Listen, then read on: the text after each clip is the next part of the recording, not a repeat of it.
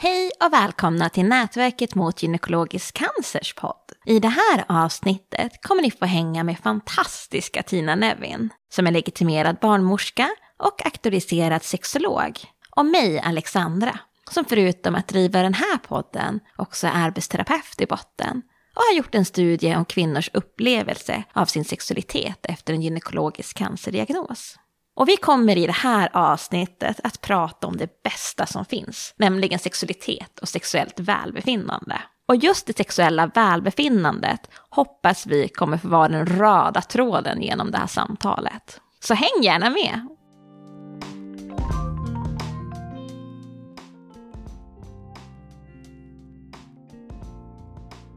Tina, det här är ett ämne som vi verkligen brinner för. Och vi två kan ju prata om sexualitet och sexuellt välbefinnande hur länge som helst. Och det är ju jättekul att vi faktiskt får chansen att göra det nu. Och ja, du ser, jag sitter ju här och nästan studsar, för jag är jublande glad över att jag har pratat med dig och att vi faktiskt får dela med oss av våran syn på sexuellt välbefinnande till er lyssnare. Men innan vi gör det så kanske vi måste klargöra vad är egentligen sexualitet och vilka beståndsdelar består vår sexualitet av? Vill du ta den pucken Tina? Ja, men sexualiteten det är ju en del av oss alla. Vi föds med det, vi stör med sexualiteten. Det är ett grundbehov. Det är, liksom, det är en del i, att vara människa. Jag brukar säga eh, att det är en slags energi i oss. Som, det är liksom en drift som får oss att söka närhet och kärlek. Vår sexualitet den visar vi genom våra känslor och hur vi hur vi berör varandra, hur vi är tillsammans med andra. Så det har heller ingenting att göra, det kan ha att göra med, men det har ingenting att göra med antal samlag eller orgasmer eller så. Det tycker jag är en väldigt torftig beskrivning av sexualiteten, för det är så otroligt mycket mer. Det handlar om som välbefinnande inom oss. Fysiskt, psykiskt, hur vi är liksom, socialt och i hela vår existens. Så skulle jag beskriva det. Och du Tina, du är ju sexolog och vad arbetar en sån med? Vad gör ni sexologer? Det beror på vad du har för grundutbildning. Jag har ju min som barnmorska och har jobbat mycket liksom med det fysiska också, fysiska besvär. Men sen finns det en del som är terapeuter, socionomer, lärare, och det är ingen skyddad titel, så vem som helst kan egentligen kalla sig för sexolog. Men auktoriserad sexolog, som jag har förmånen att vara, det söker man via Svensk sexologisk förening. Det kan ju vara ett, en kvalitetssäkring om man vill få kontakt med en sexolog. Ja, och då vet man ju att de har utbildning eller är testade. Jag godkända av, av eh, Nordiska sexologsamfundet och det tycker jag är viktigt. Och vad gör man för att bli godkänd av dem då? Oj, oj. Jag hade skrivit en bok och eh, jobbat mycket med det här och, och läst sexologi på universitet. Man kanske har gjort en master i sexologi eller eh, jag jobbar som terapeut och med de här eh, delarna. Då, och då skickar man in all, alla uppgifter och sen så är det en auktorisationskommitté och så kostar det pengar och så kanske man blir godkänd.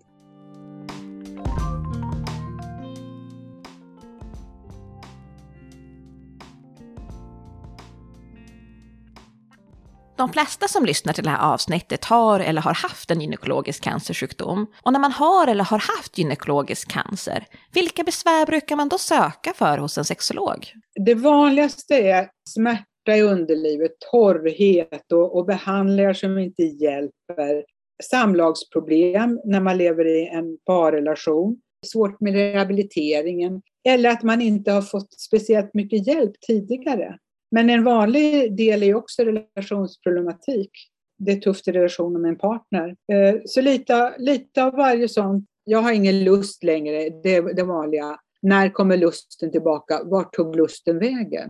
Och då säger jag att den finns där, men det har kommit så mycket annat emellan. Och så erbjuder jag tillsammans eh, ja, att stödja dem i att eh, hitta, hitta vägar tillbaka till sin lust och sexualitet.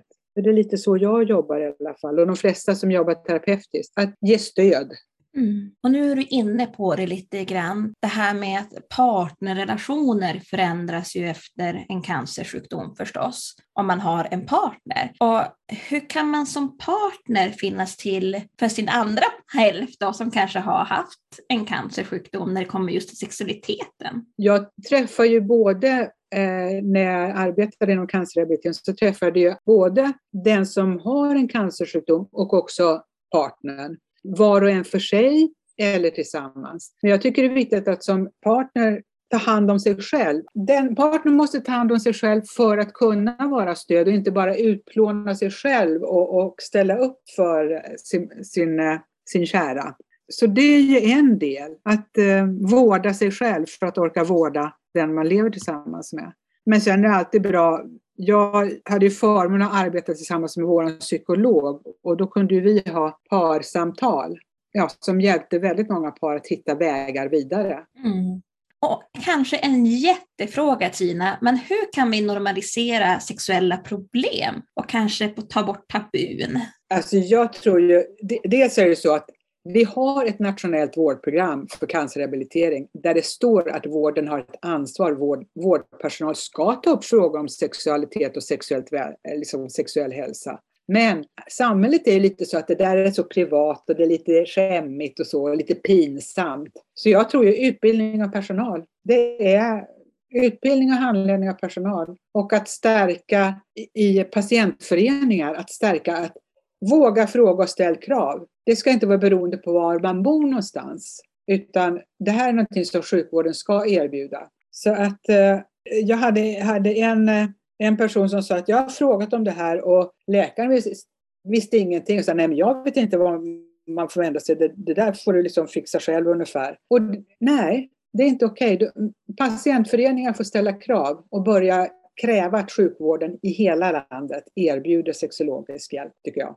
Jag, menar, jag hade ju förmånen att arbeta i ett, ett eh, multiprofessionellt cancerrehabteam med både psykolog och sexolog. Och på vårt sjukhus hade vi tre sexologer, eller sexualrådgivare då, specialutbildade. Och så är det många, till och med stora sjukhus, som inte har någon.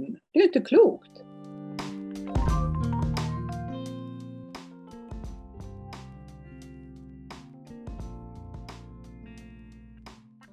Men om man inte får rådet eller tipset från sjukvården att söka sexologisk hjälp, när tycker du att man själv ska söka? När sex, det, liksom sexlivet eller den sexuella hälsan, att det känns att det är problematiskt. Och så fort som möjligt att inte vänta. För min erfarenhet är att om en person väntar för länge med att söka hjälp och stöd, då är det svårare att komma tillbaka. Det blir på något sätt att man fastnar i det här dåliga måendet eller en nedsatt sexuell hälsa. Man, man mår inget bra i det och, och kanske ger upp.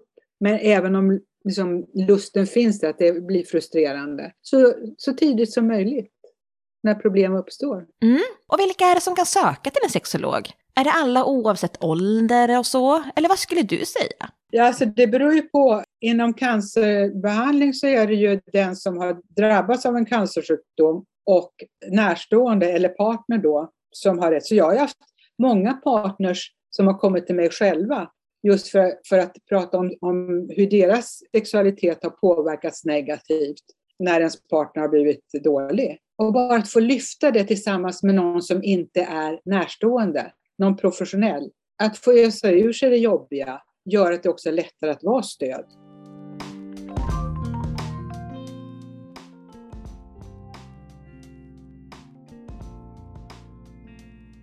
Tina, hur brukar självbilden påverkas när man har haft eller har en gynekologisk cancer? Sexualiteten får sig en rejäl törn.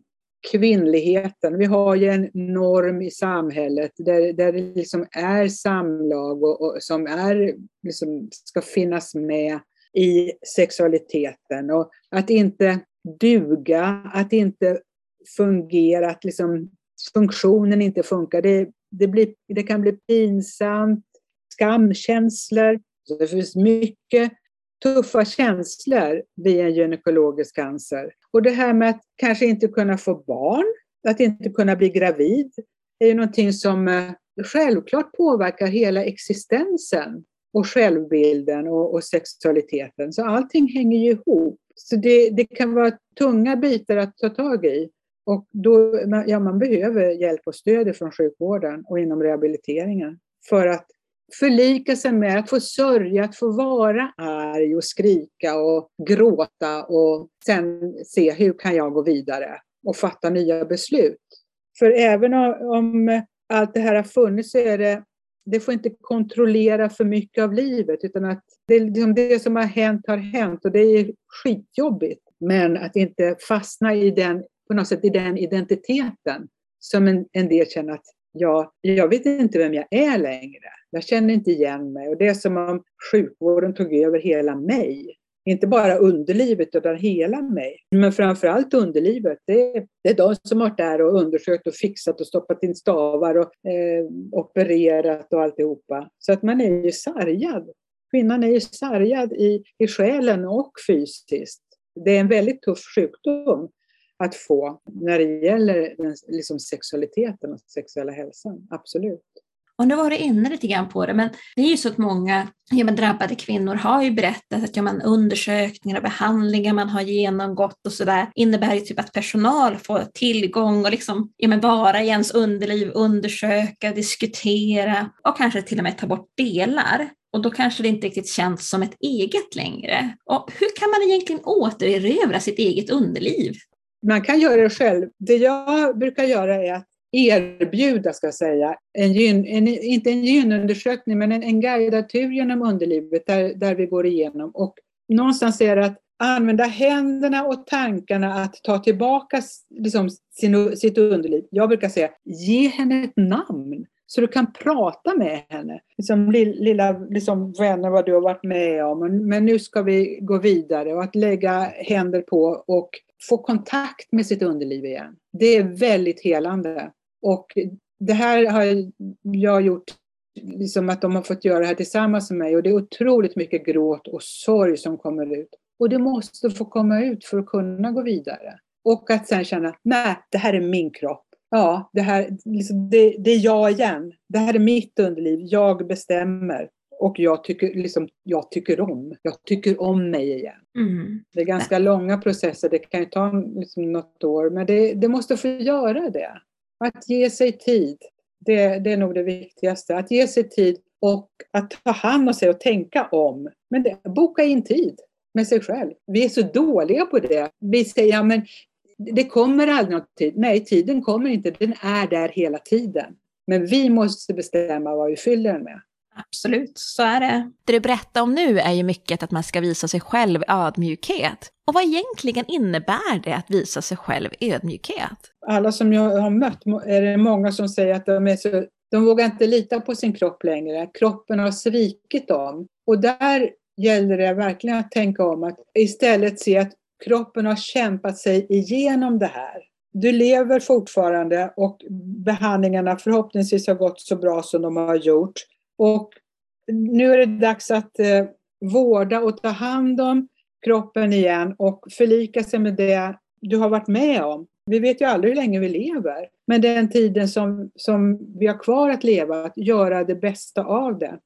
Att unna oss, att inte vara så snåla med att eh, vårda vår kropp. Jag tänker bara på en sån sak som, jag har jobbat mycket med vaginans rehabilitering eh, efter strålbehandling.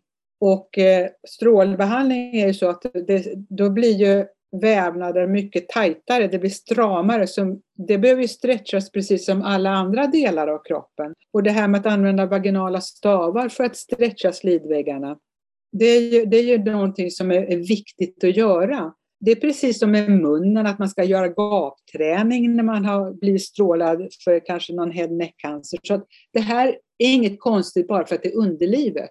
Underlivet behöver också rehabiliteras. Och eh, där, där kan det vara så att man kanske inte får några speciellt bra vaginalstavar från sjukvården där man bor. Och då tänker jag så här, ja vad kostar bra stavar? Och de är ju ganska dyra, de kanske kostar 1500 kronor eller 2000. Det är mycket pengar. Men å andra sidan, hur mycket jag är beredd att lägga på min kropp och hur länge kan jag använda de här eh, bättre, de här bättre produkterna? Hur mycket mer hjälp blir jag av dem? En kvinna hon sa så här, jag servar min bil varje år. Jag lägger så här mycket på min bil och jag måste ha en bil. Så jag har bestämt att från och med nu ska jag lägga lika mycket på min kropp och mitt mående som jag lägger på bilen. För jag har ju min, det är ju min farkost. Den ska, den ska också få samma service och underhåll. Jag tyckte det var en så bra tanke, så den har jag tagit med mig också. Det var jättefint sagt. Jag betalar just 8000 för en ny kamrem, så jag har jättemycket njut jag kan betala för mig själv. Shoppa loss på Pistil! Ja, absolut. Också gå på massage. Om gillar man spa, gå på något spa, un, att unna sig de här grejerna. Men att gå på, just att gå på massage, då frisätter ju de här kropps må bra-hormonerna frisätts och det är jätteviktigt. Vi, hade på, vi har på vår rehabilitering så fanns ju taktil massage för de som hade genomgått cancerbehandling eller under cancerbehandling. Jag vet inte hur det är på andra ställen, men inom rehabilitering så kan det finnas mycket hjälp att få. Så att fråga, vad, vad erbjuder ni här inom sjukvården, inom rehabiliteringen? Och rehabilitering är ju resten av livet. Det är ingenting som tar slut bara för att liksom, medicinska behandlingar tar slut, utan det har man rätt till resten av livet och det är viktigt att veta. Jag tänker strålbehandling, där kommer ju seneffekter, de kan komma efter flera år. Rehabilitering, att inte glömma det. Absolut. Och jag tänker mycket kring det här att många man möter är ju rädda att ja, men skada något och man kanske inte riktigt vet hur man ser ut där nere längre. Alltså hur ska man hantera det, Tina? Att det viktigaste är ju att lära känna sin kropp igen. Sin förändrade kropp kanske. Att våga ta på sig själv. Att våga undersöka sig själv. Det är ingenting som är, liksom, är farligt att göra det. Är, är du osäker, så be att få komma till en inom sjukvården och, och kanske barnmorska eller eh, någon annan som är inom cancerrehabilitering. Att få hjälp med att bli trygg i att beröra sig själv. Och att eh, leva i ett, ett parförhållande då är ju kommunikationen jätteviktig. Att prata, det här är jag rädd för, hur kan vi göra?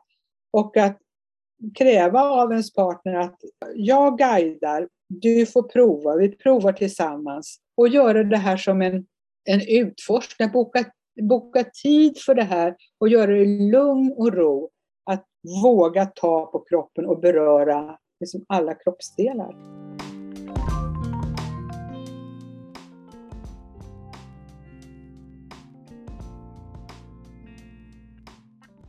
Är det vanligt förekommande med relationsproblem efter gynekologisk cancer och vilka problem brukar förekomma? Vilka har du stött på? Det vanligaste är att eh, lusten, den här sexuella lusten är noll, finns inte, borta och en partner som har, liksom, vill mer. Att det blir en obalans i sex, liksom sexualiteten och att eh, ofta beror det på att Eh, det är svårt att prata med varandra. Det funkade ju så bra innan och sen plötsligt blir det en förändring. Det är klart att det är chockartat. Och vi är dåliga på att ha samtal med våra partners om tuffa saker. Och det är där vi behöver vara bättre. Och då kan det vara bra att kanske gå till en psykolog eller någon annan terapeut inom sjukvården, att ha några parsamtal för att hitta sätt att mötas jag brukar säga att är det så att det är obalans i, i lustproblematiken, att den som är närstående, att, att diskutera hur kan du göra för att hitta ditt välbefinnande i det här? När du har en partner, det är den här delen som inte fungerar nu. Vad kan du göra för att ni ska kunna hitta en balans i det här? Att ta hand om sig själv, inte förvänta sig att det måste vara att man måste vara tillsammans med varandra hela tiden. Då får man kanske pyssla med lite egen sex. Eller hur? Absolut. Just att känna förväntningar efter en gynekologisk cancer. Förväntningar som kanske inte är förväntningar. Det har jag också upplevt. Där kvinnan kommer och säger jag kan inte ställa upp lika mycket som jag gjorde innan och jag känner att det är en obalans. Och sen när vi pratar då, då kanske partnern säger nej men jag har inte de förväntningarna nu utan vi har så mycket annat fint att bara få hålla om varandra och de bitarna. Det räcker för mig också. Och så får vi ta det i den takt det är. Och det här kanske är det sättet vi har intimitet nu och det är okej. Okay. Men de har inte pratat med varandra och hon har bara förväntat sig att hennes partner har haft eh, andra krav eh, och behov. Kan det vara så att ens partner absolut inte, liksom att det, kraven finns kvar där trots, att, trots samtal? Och då är det, jag vet att det här vad, vad kan man göra för att stötta relationen att fortsätta? Men ibland är det så att relationen det fungerar inte längre. Och att då fundera, det kanske är bättre att få leva själv och slippa de här förväntningarna som gör att jag mår, och kraven som gör att jag mår så dåligt. Att vi faktiskt får eh, värdera våra liv. Eh, att inte vara kvar i en relation liksom bara för att. Och du sa någonting också väldigt viktigt, det här med förväntningar, att man liksom kanske förväntar sig att det ska vara på ett visst sätt. Jag tänker bara i min studie som jag gjorde så framkom det liksom att en del kvinnor ja, man upplevde att även om de kanske var nära sin partner så var inte, det var inte riktigt komplett om man inte hade haft ett samlag. Och hur kan man komma förbi de tankarna tycker du Tina? Hur kan man bli nöjd? Och då måste jag berätta om ett par som jag träffade som eh, hade, hade hittat ett sätt där eh, bägge två sa så här bra har vi aldrig haft det sexuellt innan som vi har det nu. Inget samlag, det fanns inte ens med på kartan. För det gick inte för att, på grund av, av cancersjukdom då. Och det de gjorde det var att de, de bokade en dag eller eftermiddag kväll i veckan. Om det var fredagen eller lördagen, det kommer jag inte ihåg. Och varannan vecka så fick den ena bestämma vilken typ av välbefinnande den ville uppleva och nästa vecka var den andras tur. Men det fick aldrig vara så, det var alltid samtycke då, så det fick inte vara någonting som eh, den andra inte förmådde sig att göra. Men att de började med att eh, bestämma måltid, duschade tillsammans, en fick massage. Alltså det var det de hade hittat som, som var så skönt. Och just det här som, som mannen, det här var man-kvinna relation, han sa att han hade varit så prestationsinriktad tidigare men just att ligga passivt och vara mottagare var det liksom det som hade fått honom att inse vad välbefinnande egentligen var. Och orgasmen som man sa, den sitter i huvudet, det här välbefinnande känslan, det här wow vad skönt det här är. Det var så mycket häftigare än den här utlösningsorgasmen som hade funnits tidigare. Så de hittade ett sätt att vidga sin sexuella njutning som jag tyckte var så häftig. Och genom att de kommunicerade mycket. Hela tiden. Och just det här att eh, är det här okej okay med dig att göra för mig för det här skulle jag tycka var skönt? Ja eller nej? Och så kom de fram till, ja men det här kan jag ge dig. Okej, okay, då, då bestämmer vi så. Nej men det var jättehäftigt. Så det brukar jag tipsa de par jag har träffat att eh, prova det. Det är viktigt att förstå att det här är träning. Det här är ingenting som, det är ingen quick fix. Relationer är verkligen inte det. Det här är någonting man behöver jobba med och även relationen till sig själv är någonting som tar tid att göra, som måste få, få tid. Eh, det kommer inte automatiskt. Lusten kommer inte automatiskt utan den får jag liksom ta fram.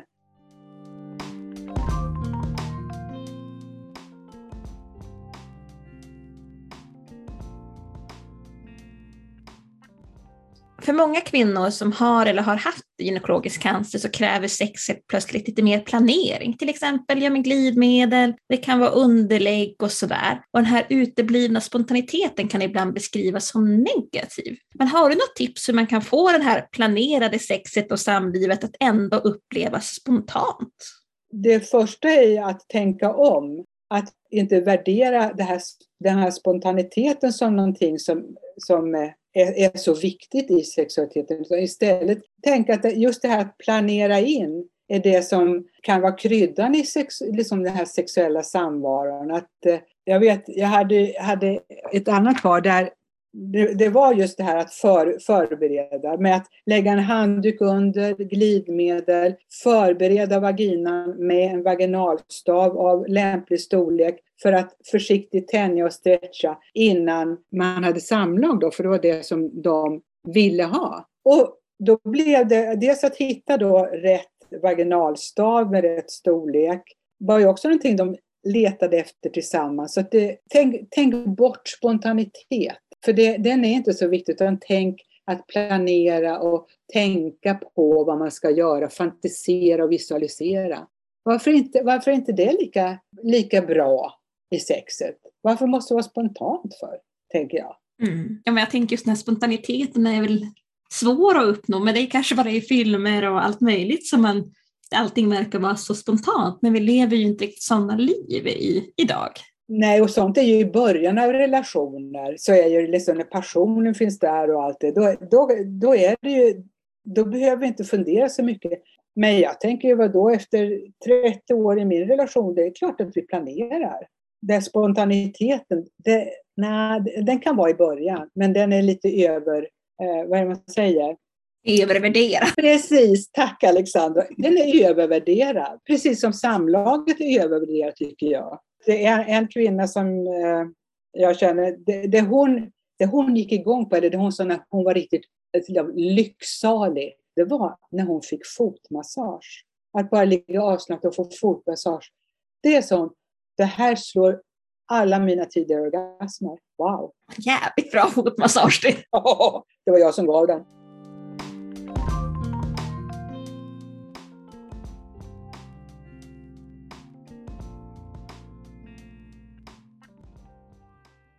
Det finns ju också ett annat dilemma och det är ju att studier visar att fler kvinnor som har eller har haft en gynekologisk cancersjukdom är ensamstående och att fler relationer där ena parten då har diagnostiserats med gynekologisk cancer slutar i separation. Och hur kan vi hjälpa till att förhindra det här? Eller går det inte? Jag tror absolut att det går om bägge två vill fortsätta att leva tillsammans. Så finns det alltid möjlighet, det finns alltid lösningar på problem. Men det är det här, prata med varandra, prata också om det svåra. Hitta en strategi hur ni vill jobba, planera in, sök hjälp, ta hjälp. Så går det absolut att eh, till och med få det bättre än vad det var innan. Men bägge två måste vilja. Det går inte att en driver, driver hela tiden att det ska funka. Nej, det är en tvåsamhet. Och då måste bägge två vara villiga att göra det. Och jag vet ibland har det varit så att eh, den ena har verkligen velat att den andra ska komma på samtal, men den andra har då vägrat. Nej, det här är din grej, jag vägrar. Och då, hur, hur funkar den relationen då? Då blir man väldigt ensam i den. Men att ta hjälp. Vill, vill ni att relationen ska fungera ni, så finns det alltid möjligheter. Det finns alltid möjligheter. Man får jobba lite på det. Mm. Absolut. Många som kanske inte har en relation men som gärna kanske skulle vilja ha det eller kanske funderar på att inleda nya sexuella relationer efter att ha haft en gynekologisk cancer tycker att ja, men man är lite rädd att man ska upplevas som en krånglig person, det är lite besvärligt och sådär. Har du något tips och tankar till den personen hur man kan underlätta och våga? Det är okej okay att vara besvärlig. det är okej okay att liksom tala om att så här funkar det för mig. Och är det rätt person eh, som, som dyker upp, då är, blir ju det okej okay också. Det, det, är jag helt övertygad om. Finns, finns intresset av att fortsätta relationen från den andra då, eh, och den är så pass värd att ha en relation med, så funkar det. Men det är klart att vi, vi går väl på blåsningar ibland i livet och, och någonstans är det att då var inte den personen värd oss. Det är, så, så tycker jag är viktigt att tänka. Äh, det, det där var ett stolpskott, inget för mig. Då får jag leta vidare. Till slut dyker det upp någon som är mogen nog och vill, liksom tycker, tycker om mig så mycket att vi hittar ett sätt. Kanske få stöd eh, av andra i, eh, ja, i patientföreningar, eh, i grupper tillsammans, lära sig av varandra. Vad tror du? Ja, absolut. Mm. Och jag tror någonstans att man måste, det är som du säger, man ska inte vara rädd för att vara besvärlig, utan sex och samliv ska ju vara någonting kul och någonting, ja men börjar man få tankar att det är besvärligt så måste man ju verkligen jobba bort det, för att det ska ju egentligen bara rent av vara kul och är det inte kul så då har vi ett problem, men innan dess har vi ju inte det. Precis, så det gäller att, det här som jag pratar mycket om, tänka om, att eh, nej det här är inte, jag är inte besvärlig. Utan det här är som det är. Jag är tydlig i vad, vad som funkar för mig. Det är inte att vara besvärlig. Tvärtom är det att det måste vara väldigt skönt för den, den som möter den här personen att veta att det, det, så här är det som det funkar. Istället för att man ska hålla på gå runt och det blir fel och så får man inte prata om det. Ja men eller hur. Och ja, men, Sen får man väl vara lite realistisk också. Första sexuella kontakten är väl alltid lite trevande och ja. märklig, oavsett ja. cancer eller inte. Men sen en fråga som jag ofta får är, när ska jag berätta att jag har haft, eh, liksom, gått igenom en cancerbehandling? Ja, vad tycker du Tina? Alltså det finns ju inget rätt och fel, så jag kan inte säga vad som är rätt eller fel i det här, utan var och en måste själv komma fram till jag vet en del sådär, när jag berättar på en gång att det här har gått igenom, är det så de drar, då är de inte värda mig. Men eh, jag hade en och sa, nej men det blev jättebra när jag berättar på en gång. Och andra säger att nej, det funkar inte. Jag väntar några gånger. Jag vill se om den här är en person som jag vill vara med innan jag berättar. Mm. Inget rätt eller fel. Absolut. Nej, allting är okej. Ja, var och en måste hitta sin egen väg, det som passar för den personen.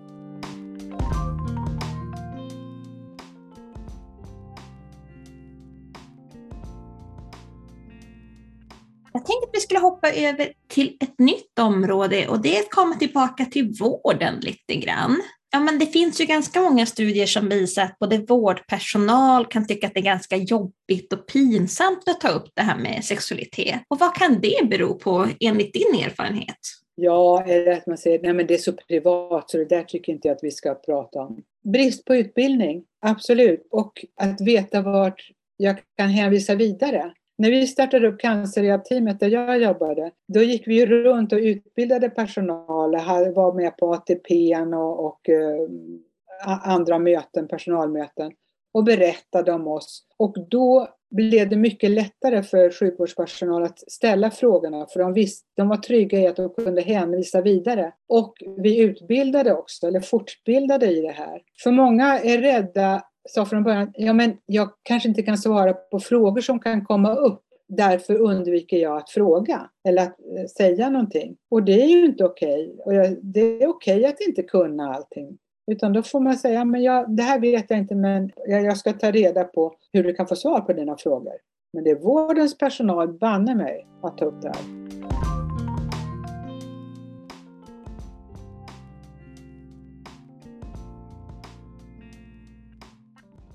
Vad för positiva aspekter finns det egentligen med att ha en sexualitet som man är nöjd över?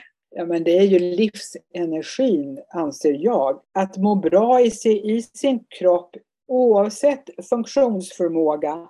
Eh, att känna att den är värd, att kunna känna att man har en inre kommunikation. Det är inte gyncancer med en kvinna som hade problem med magen. Hon började prata med sina tarmar varje morgon och fick igång väldigt bra tarmarbete. Så jag tror att prata med sig själv, bejaka sin sexualitet och inse att jag är värd att tyckas om, att tycka om mig själv. Och har jag ett välbefinnande i livet oavsett hur jag har det så mår jag bättre. Det är ju en del av av våra personer, det är en del av att vara människa. Och då gäller det att må så bra som möjligt. Och vi, vi är ju människan och, och djuren och alla, vi, vi vill ju njuta. Det, ju, det tror jag alla vill. Mm. Så funkar vi helt krasst.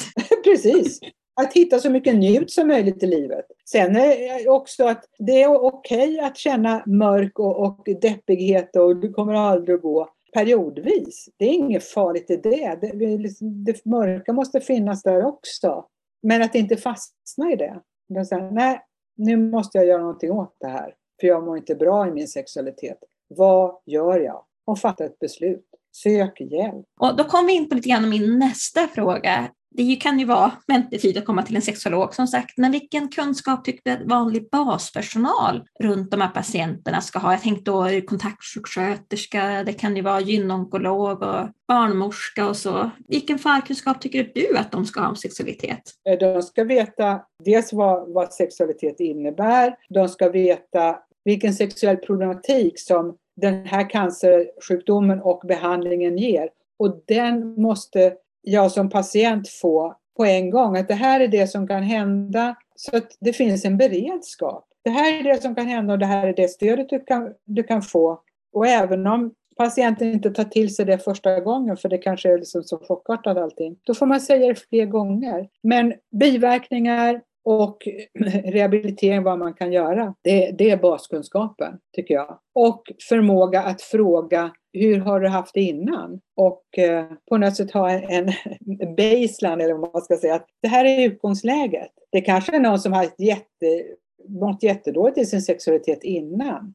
Då kanske man inte kan göra mirakel eller under med, som sexolog heller. Men vem vet, det kanske ändå kan bli bättre. Men på din fråga det här, sjukvårdspersonal har ett, har ett ansvar att det är ju som sjuksköterska, jag har ett ansvar att fortbilda mig inom de områden där jag arbetar. Och arbetar jag inom cancervård, gyncancer, där vi vet att underlivet är en viktig del av sexualiteten och ses som det i samhället, så måste jag ha kunskap. Jag är bara beredd att hålla med.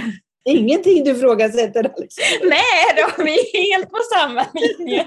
Nej, det är verkligen, jag drömmer om den dagen där alla sjukhus erbjuder bra sexologisk vård och rehabilitering. Banne mig. Ja, alltså man blir ju upprörd över att det är 2021 och alla sjukhus gör inte det. Nej, det. Nej det, det, det, det är sorgligt.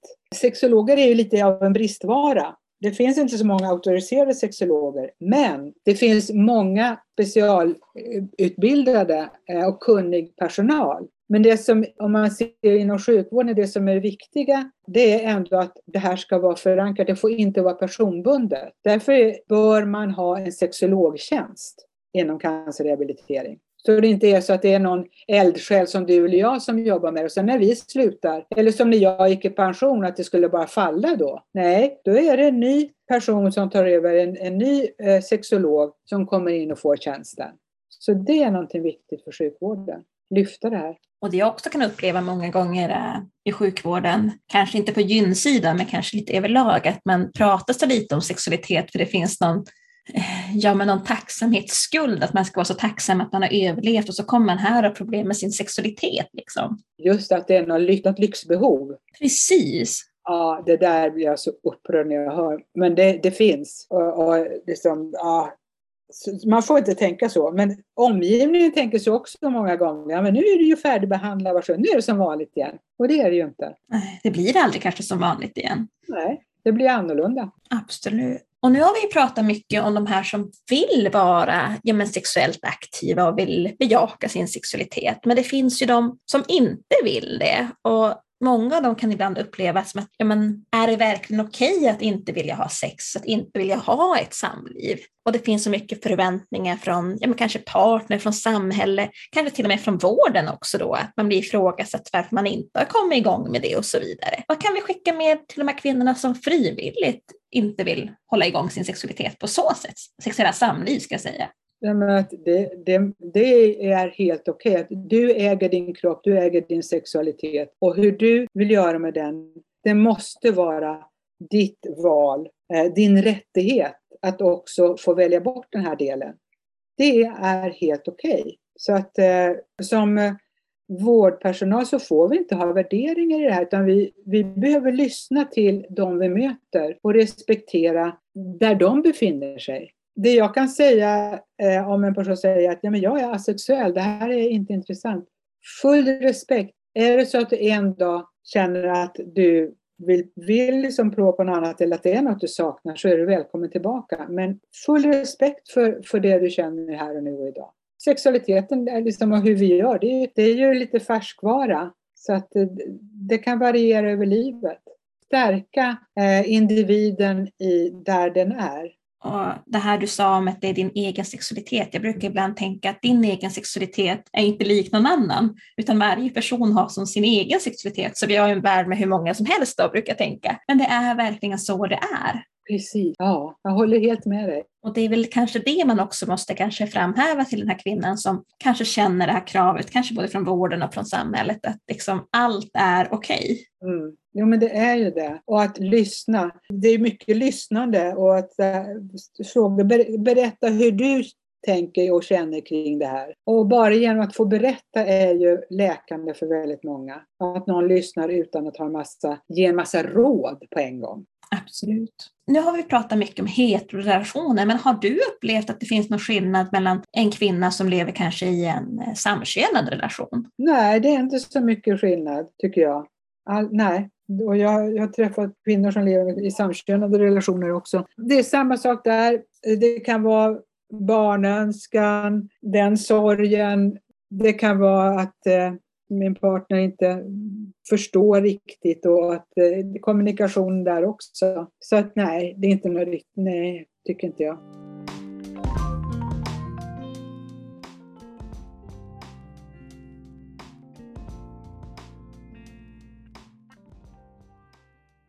Jag tänker mycket på det här vi har pratat om tidigare idag, det här med att man går på kroppssafari, att man liksom går på en egen upptäcktsfärd i kroppen. Och jag upplever rätt ofta att kvinnan som kanske har genomgått kirurgi beskriver att hon inte riktigt vet hur hon ser ut. Liksom att man kanske till och med beskriver ett tomrum i kroppen. Och du brukar ju använda dig av det här med kroppssafari. Och kan du förklara lite mer, vad är det för något Tina? Ja, nej men det, det är att både visualisera och använda händerna för att utforska sin kropp. Och inuti det vi inte kan känna med händerna, att just där visualisera. Och det är ju inget tomrum för att vi har väldigt mycket tarmar och annat som fyller upp utrymmet där den lilla livmodern har varit. Och den är ju som ett litet gråpäron så den tar inte speciellt mycket plats. Och det är också att, beskriva, att jag kan beskriva hur det ser ut där inne och att ge då en bild att kunna visualisera. Att det, inte, det är inget tomrum. Men att kroppssafari är också att hitta platser på kroppen. Vi är ju dåliga på det här. Eh, liksom lite till, till eh, var och en, det här att känna efter vad, var vi har sköna, som sköna punkter. De här så kallade erogena zonerna. Och det här med att frisätta hormoner och eh, använda fjäder och annat för att liksom verkligen hitta njutningspunkter. Så att eh, det är en del i kroppssafarin. Och att när man gör den, att tänka positivt. Nu känner jag här och, och liksom vad fint det är. Och att säga det, prata högt också på crosssafarin. Men för mig är det då också när det gäller underlivet då att faktiskt fysiskt känna med sina händer. Hur, hur ser jag ut? Hur känns det?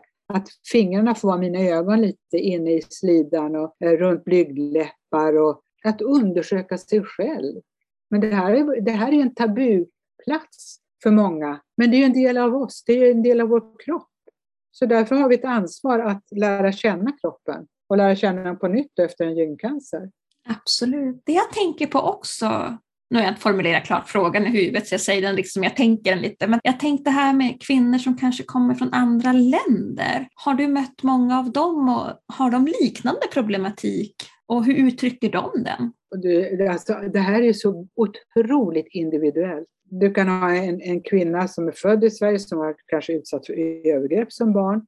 Det är hennes trauma.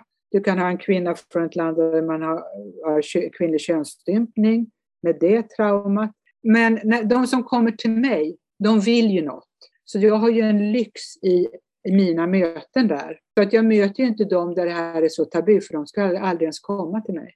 De jag träffade är ju, i och med att jag provade ut vaginala stavar efter strålbehandling, så mötte jag ju många. Och jag mötte också många som sa nej, som valde bort vaginala stavar och sa att nej, det där där nere, det, liksom, det där där nere, det kan växa igen för min del, jag bryr mig inte.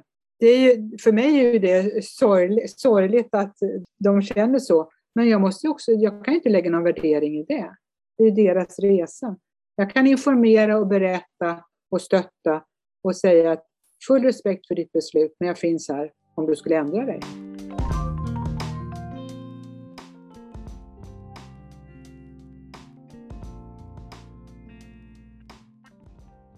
Det jag tänkte på Tina som jag inte har pratat med dig om, det är det här när man kanske går in i palliativa skeden. Brukar mm. sexualiteten ändras då eller vad har du för erfarenhet av det? Men alltså palliativt, det betyder egentligen bara att det inte är botbart. Och det kan ju vara många, många år. Så att det, det behöver ju inte betyda någonting. Men om vi tar vi, liksom i livets slutskede, när det för, förändras det, hur mycket man orkar, det, det gör det ju. Men att hitta, ändå fortsätta hitta vad njuter jag av här och nu? Eh, och att, att unna sig det. Att njuta så mycket som möjligt hela livet, ända in i döden. För sexualiteten finns med där. Inte lägga någonting, liksom, ja men det där ska jag göra sen. Jag ska unna mig och gå på massage sen. När det blir palliativt, tänk inte sen utan tänk nu.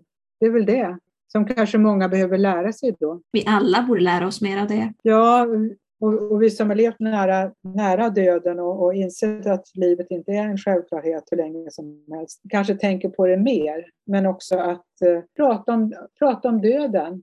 Liksom hur, hur, eh, hur vill du ha det fram till dess? Och jag har haft många samtal också när det har varit palliativt och den chocken att nu är det obotbart, nu kommer jag snart att dö. Att prata kring, ja, hur vill du ha det fram tills du dör? Vad är det, är det någonting du har längtat efter och så? Är det någonting du kan göra? Ja, jag ska köpa den där womanizern, äntligen. jag har inte tänkt att göra det, men nu ska jag ha en sån här tryckluftsvibrator, banne mig. Så hade jag en kvinna som sa, nu jäklar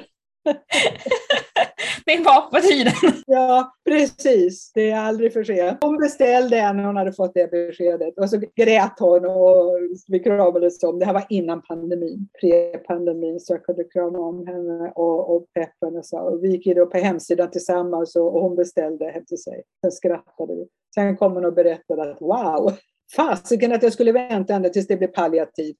Så hon lever än idag så att eh, den har fått leverera den där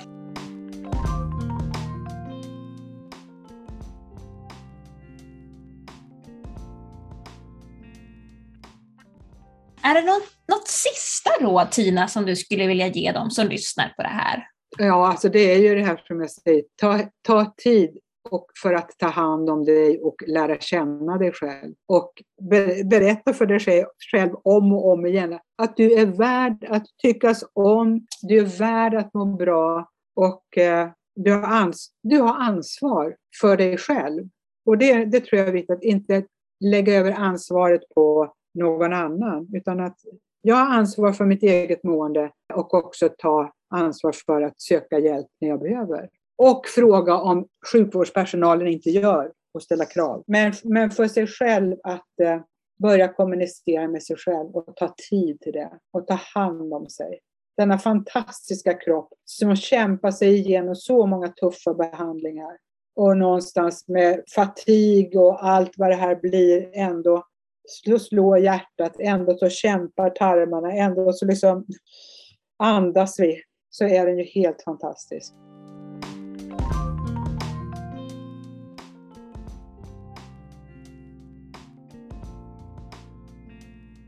Det var allt vi hade för den här gången och nu hoppas vi att ni alla vill vara med i kampen mot gynekologisk cancer.